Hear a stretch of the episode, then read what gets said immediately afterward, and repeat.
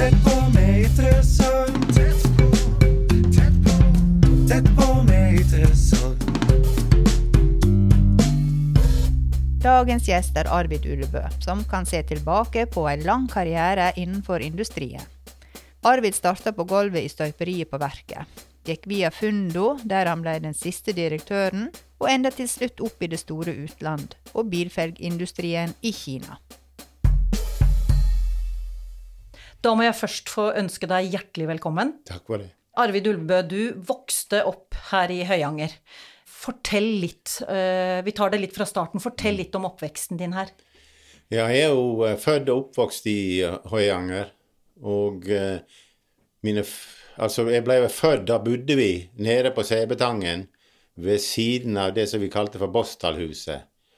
Og jeg tror ikke jeg var så gammel, ett år eller noe sånt, så flytta vi opp i Liavegen hos Finden, der vi bodde til vi bygde vårt eget hus på Dale.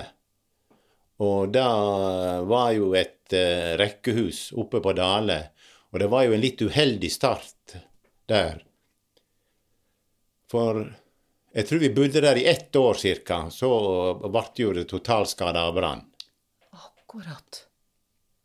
Og, men i, i utgangspunktet, eller sånn alt om alt, så vil jeg si at vi da vi flytta på Dale, og det jeg kan huske mest til, det var jo en veldig fin oppvekst. For det var jo et, et eh, kan du si, ny, nybyggergjeng som bodde der oppe, og det var masse unger. og Vi hadde jo muligheten til ei tennisbane der, og til å spille fotball og andre ting på. Og seinere så fikk vi jo en hoppbakke, og ja, i hele tatt var forholdene veldig bra lagt til rette for en oppvekst. Og så hadde vi da som unger så var det jo veldig mye Vi hadde sånn såkalt leir oppe på Sauestølen, der vi tilbrakte veldig mye tid. Ja. Var det litt sånn cowboy-indianer Ja, ja, ja. eh, ja, jeg har hørt Det andre det. ha nevnt det.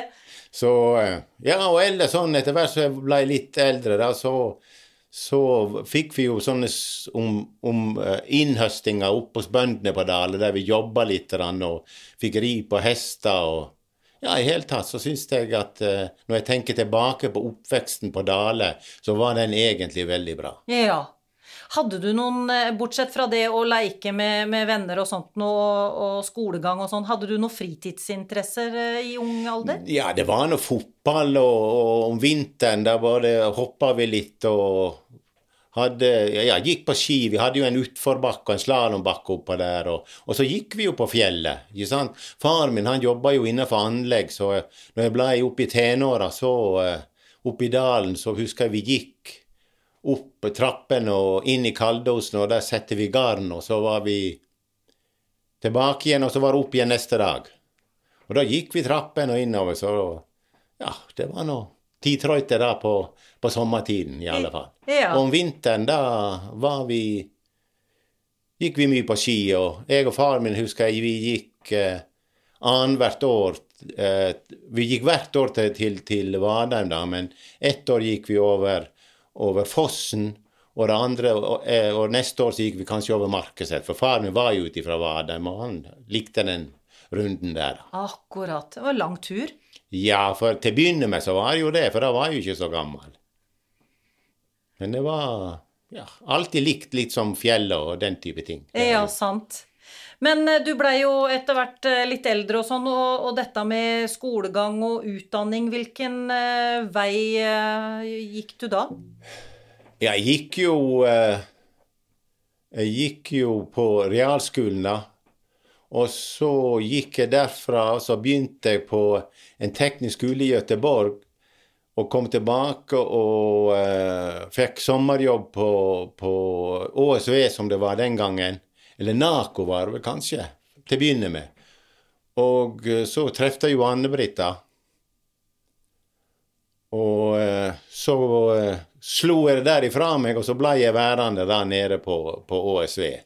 Og utviklingen har vel gått mer eller mindre med kurs og andre ting. Jeg har jo tatt en del sånn på, på internett og det i ettertid, men noe sånn helt formell skolegang har jeg jo ikke, da. Nei, akkurat.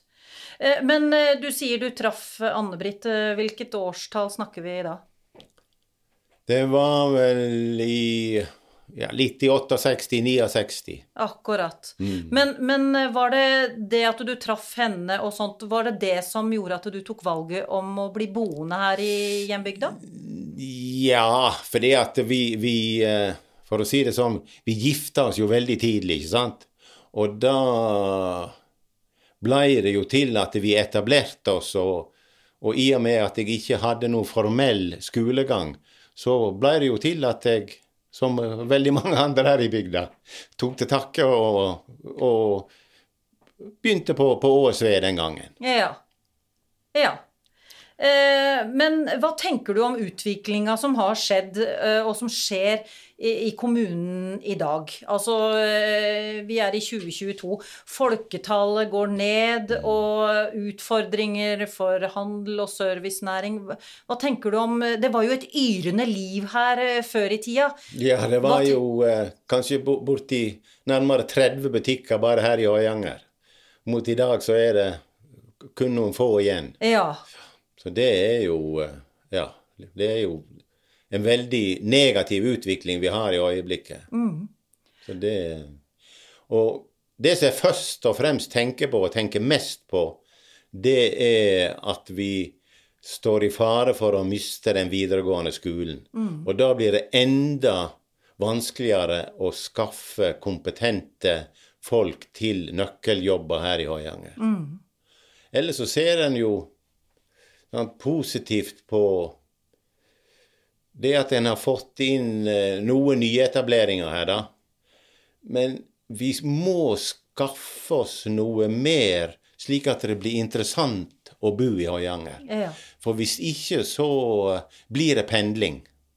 Og det er jo synd for de som bor igjen her.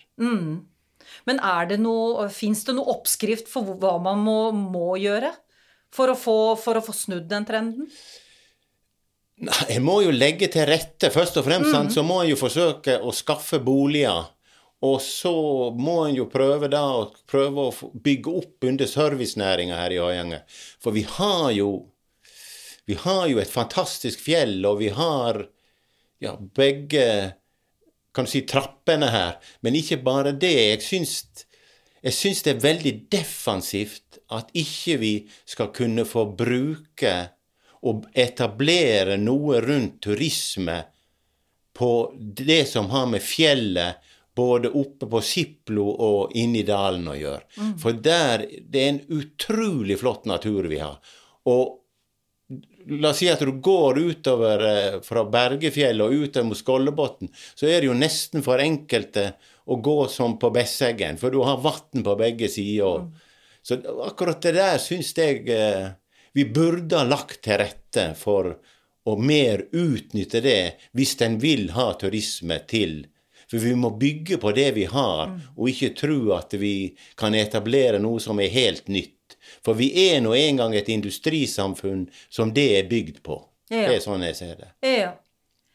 Eh, Du var sjøl direktør på felgfabrikken Fundo Wheels i åtte år. Mm. fortell litt om tida eh, når du var der. Ja. Jeg vokste jo opp med, med Fundo, kan du si, da. For at jeg søkte jo meg til felgutviklinga fra den spede begynnelse. Så jeg vokste jo, kan du si, opp med å begynne, som, i, å begynne i støperiet, og da ende opp som direktør i de siste, siste åtte åra. Og det har vært, var for meg en fantastisk utvikling, må jeg si. Og hvordan du så at dette At vi greide å utvikle det, og vi kom til og fikk bygge ny fabrikk og fikk gode relasjoner mot kundene våre. Og, det, og jeg tror at når vi vokste opp og fikk en viss størrelse, så blei Høyanger som samfunn av produktet der oppe mye mer markedsorientert. For vi visste hvor eh, produktene våre gikk, og vi så de hver dag. Og vi så da at det var masse kunder som kom til oss og ville se hvordan vi utvikla oss, og hvordan vi eh, produserte deres hjul i henhold til deres spesifikasjoner. Men, og, men, og det var jo medgang, men så blei det også motgang. Og til slutt så endte det jo eh, sånn som det gjorde. Eh, og hva har det betydd for, for Høyanger? Nei, det var vel klart en av de største eh, nedgangene som, som, eh, som var. Og jeg syns det var vel litt Du så vel åssen det ville gikk når, når Hydro strategisk ikke ville ha denne typen industri, og ville kvitte seg med det, så ble det solgt til kanskje ikke den beste eh, eier, som var fra Arabia. Og liksom hele tida baller Vi kom ikke inn i ei større gruppe og mista òg det flytende metallet som skulle være en viss fordel for oss.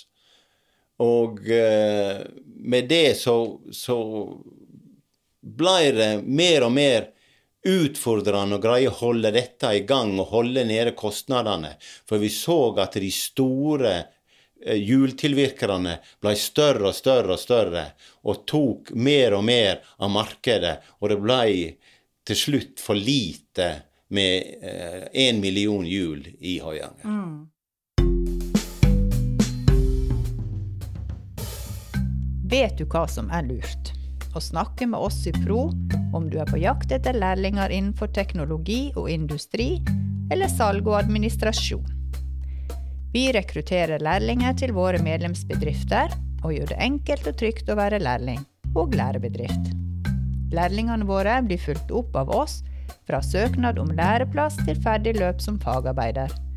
Så prøv gjerne våre tjenester du òg.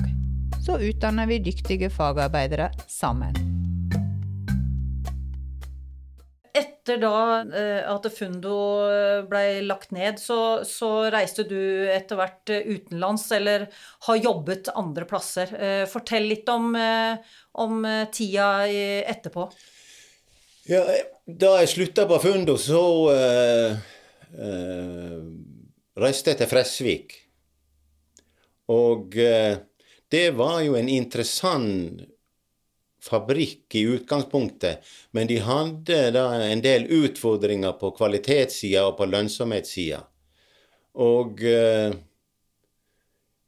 som sagt, jeg eh, var der inne i fire år, og vi klarte å snu den trenden, og i dag så er det kun den eneste fabrikken av dette slaget som er igjen i Norge. Så, og det, de, jeg ser nå at de klarer seg godt. Eh, og at de, de, de, de får kontinuitet i det de holder på med, og klarer å opprettholde arbeidsstyrken. Og det syns jeg er veldig det er jeg veldig fornøyd med at jeg klarte å, å være med på at vi kunne klare å, å sikre de arbeidsplassene. For det er jo et veldig isolert samfunn inne i Fresvik. Og videre derfra så var det litt til utlandet. Ja, så syns jeg eh, Jeg var jo vant til, til Fundo og, og jul, og det var jo en eh, ikke altfor stor fabrikk inne inne i Fresvik, så jeg fikk en mulighet eh, der at eh, Audi og, og Volvo da hadde sagt, eh, liksom foreslått at de kunne spørre meg om jeg var interessert i å jobbe i Kina. Så da kom det en eh, person opp, og vi hadde en, en prat. Og til å begynne med så jobba jeg vel kanskje litt sånn av og på og ikke var fast ansatt. Men så fikk jeg tilbud om ansettelse, og i utgangspunktet da, det var å etablere en eh, en produksjon som kunne møte de europeiske standardene, og skaffe da Mercedes og Audi og BMW som kunder. Volkswagen hadde de der fra før. Så det var egentlig det utgangspunktet jeg hadde. Og eh, jeg jobba jo i Kina, men, men eh, det var et taiwanesisk selskap. Og jeg var den eneste europeeren som var der. Men hvordan var den overgangen der fra å være her på Fundo og, og til plutselig eh, være i Kina og jobbe? Ja, det var jo en veldig stor utfordring da på, på eh, rent språkmessig. Men jeg fikk jo eh, med meg en guide som var med meg da jeg var ute i produksjonen. Men ellers når vi hadde auditering og hadde kundebesøk fra Europa, så gikk det jo helt greit. Og mange av de som jeg tidligere hadde jobba med på Fundo, de trefte jeg òg igjen nede i Kina. Ja. Og som jeg var inne på her tidligere, at en av de eh, sakene som vi mista på Fundo, det var jo den flytende metallet. Og den største fabrikken som vi etablerte i Shandang-området i, i Kina, der fikk vi levert flytende aluminium. Og der var etablert et nedstrømsområde som bare tok imot flytende metall fra det, de smelteverka som var i det området. Og det var kjempestort, altså. Men det å jobbe i altså norsk og utenlandsk eh, industri, hva er, er det noen forskjell, og hva eventuelt er den største forskjellen? Ja, det, den første, største forskjellen er jo kulturen. Men altså forskjellen som jeg opplevde, var jo at her hadde, var et selskap som hadde som, som strategi å satse på hjul til 100% Og skulle da etablere seg i, i Kina og bygge opp i Kina og få få mest mulig kunder der, men òg bygge seg ut mot eh, En diskuterte da både Mexico og Øst-Europa. Men så kom jo pandemien, så det, det ble jo en stopp. og Iallfall eh, foreløpig på akkurat de prosjektene. Men jeg var vel med og starta opp eh, to fabrikker der nede. Den siste vi starta, var forresten i Wuhan-området, der som denne her koronaen starta ifra. Ja. Så, eh, og det, og det var veldig interessant hvordan det ble starta opp, og, og, og måten som de, de investerte i For de hadde veldig flott og moderne utstyr. Det var ikke noe sånn at det var noe tilbakeforliggende i forhold til det som de gjorde i Europa. Men det var tankegangen og den filosofien om, om som, som eh, europeiske kunder forlangte. Det var der jeg måtte gjøre de endringene som måtte gjøres for for å etablere en, en, eh, en kunderelasjon. Akkurat, akkurat. Men eh, industriutvikling, eh, hvor, eh, hvordan har den vært og eventuelt forandra seg opp gjennom karrieren din? Det er jo først og fremst, vil jeg si, dette med automatiseringa og digitaliseringa. Det har vært en enorm forskjell. Så når, når, vi begynte oppe på Fundo, så var det jo ingen automatisering. Og i dag, på de siste den siste fabrikken som vi holdt på med, så var det jo Nesten alt var automatisert. Mm. De tok nesten ikke hjula i hele tatt.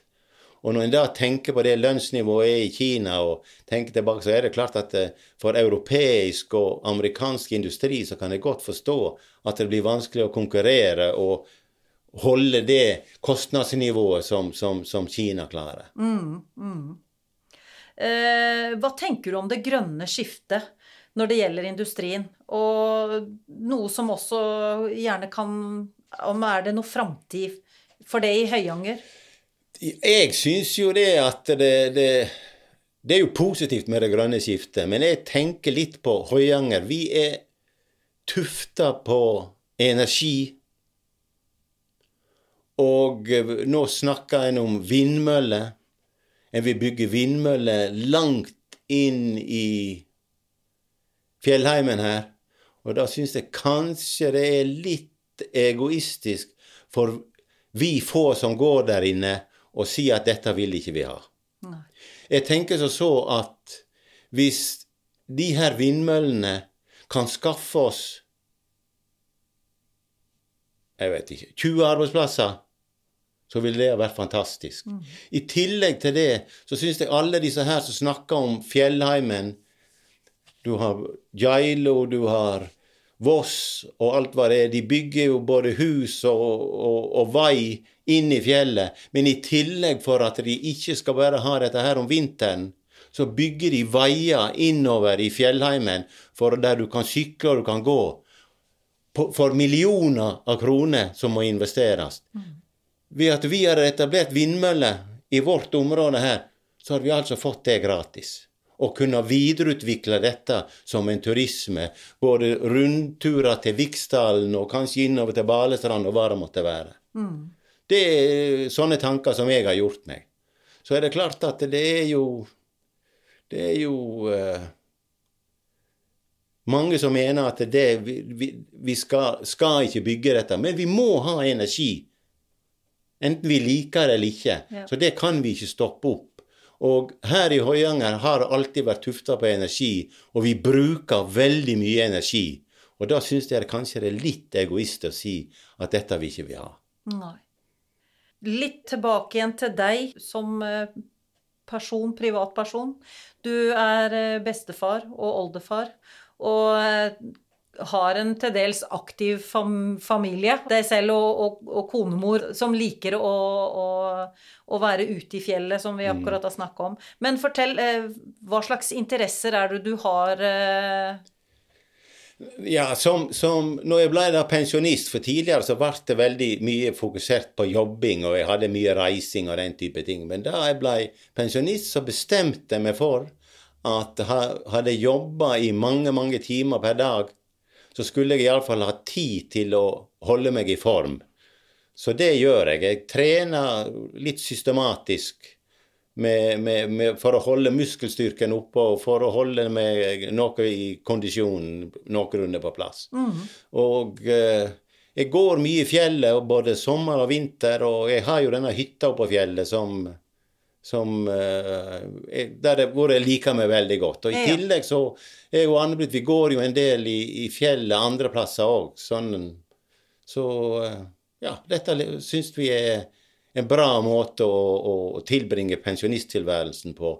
I tillegg til at vi reiser en del til Syden eller til storbyferie eller den type ting. ja, så dere er på farta. Vi er på farta litt, Ja, ja. sant. Men, eh, men eh, til slutt, eh, det å, å komme inn i denne her pensjonisttilværelsen, det høres ut som det er eh, at det har gått fint. Det er jo ikke alle som, med tanke på hvor mye du har jobba og, og reist i din yrkeskarriere, så det å plutselig skulle bare stoppe opp og, og, og nå skal du bare nyte pensjonisttilværelsen, var det en stor eh, og brå overgang? Ja, det skal jeg love deg at det var. Det var Jeg trodde ikke at det skulle bli såpass eh, vanskelig å tilpasse seg dette her som det egentlig har vært. For jeg brukte faktisk eh, over to år å tilpasse meg. Og til å begynne med så må jeg si at jeg kjeda meg veldig mye av og til. For jeg hadde Jeg hadde ikke noen sånne eh, hva skal jeg si, hobbyer som du kan bruke veldig mye tid på, unntatt det å gå i fjellet og, og den type ting. Så, så de som har den, en, en type hobby som de kan drive med mer sånn kontinuerlig, de vil jeg si er heldige. For da er det lettere å komme inn i pensjonisttilværelsen. For det er liksom ikke bare, bare å gå ifra den ene dagen til den andre, og så er det liksom eh, slutt på det meste. Ja, sant. da er det liksom Ja, du har jo fleksibilitet når du kan gjøre hva du vil, men, men allikevel. Allikevel. Men er eh, det å jobbe sånn som du har gjort i så mange år, er det et savn eh, nå når du liksom har fått landa deg litt? Ja, jeg tenker jo tilbake på det. Det var jo, det var jo veldig interessant. Og jeg hadde jo en mulighet Altså, det var noen som kontakta meg at eh, de, de, de kineserne holder jo på å bygge seg opp i, i, i Mexico. Og der var det noen som tok kontakt med meg og ville at jeg skulle være med der. Men da kom jo pandemien, så da var jo det, det slutt, altså. For det tok ikke sjansen på. Nei. Og kanskje bli sjuk der borte, og kanskje få seinskader og den type ting. Så, eh, og nå har det jo gått såpass mange år at det nå begynner vel å bli glemt. Ja. Men nå syns du det er greit å, å bare nyte tilværelsen? Nå er det greit, og nå er det bare å tilpasse seg og reise litt og, og legge til rette både hus og hytte, sånn at vi, vi kan ha det bra mens, på den tiden som kommer. og Man vet jo aldri hvor, hvor, hvor lenge den blir. Nei, sant. Og så er det vel Da, da har du i hvert fall god tid til også å nyte eh, barnebarn og oldebarn og tid med de, for du har vel Du har vel sett, sett litt lite til de i den her eh, Det- aktive perioden din? Det har det jo vært, ja. Og det, vi er jo såpass mange at det blir liksom alltid noen som har bursdag, og det er alltid noen som Og så jul, og det er alltid noe Det er jo mest hun Anne-Britt som tar seg av det, der med gebursdager og kjøpe presanger og den type ting. Og ikke minst å huske på alle disse her gebursdagene. Men eh, vi stiller jo stort sett opp når det er noe. Det Ja. gjør vi. Supert. Men da vil jeg bare til slutt si tusen hjertelig takk for at du tok tida til å komme hit til meg i dag. Sjøl takk.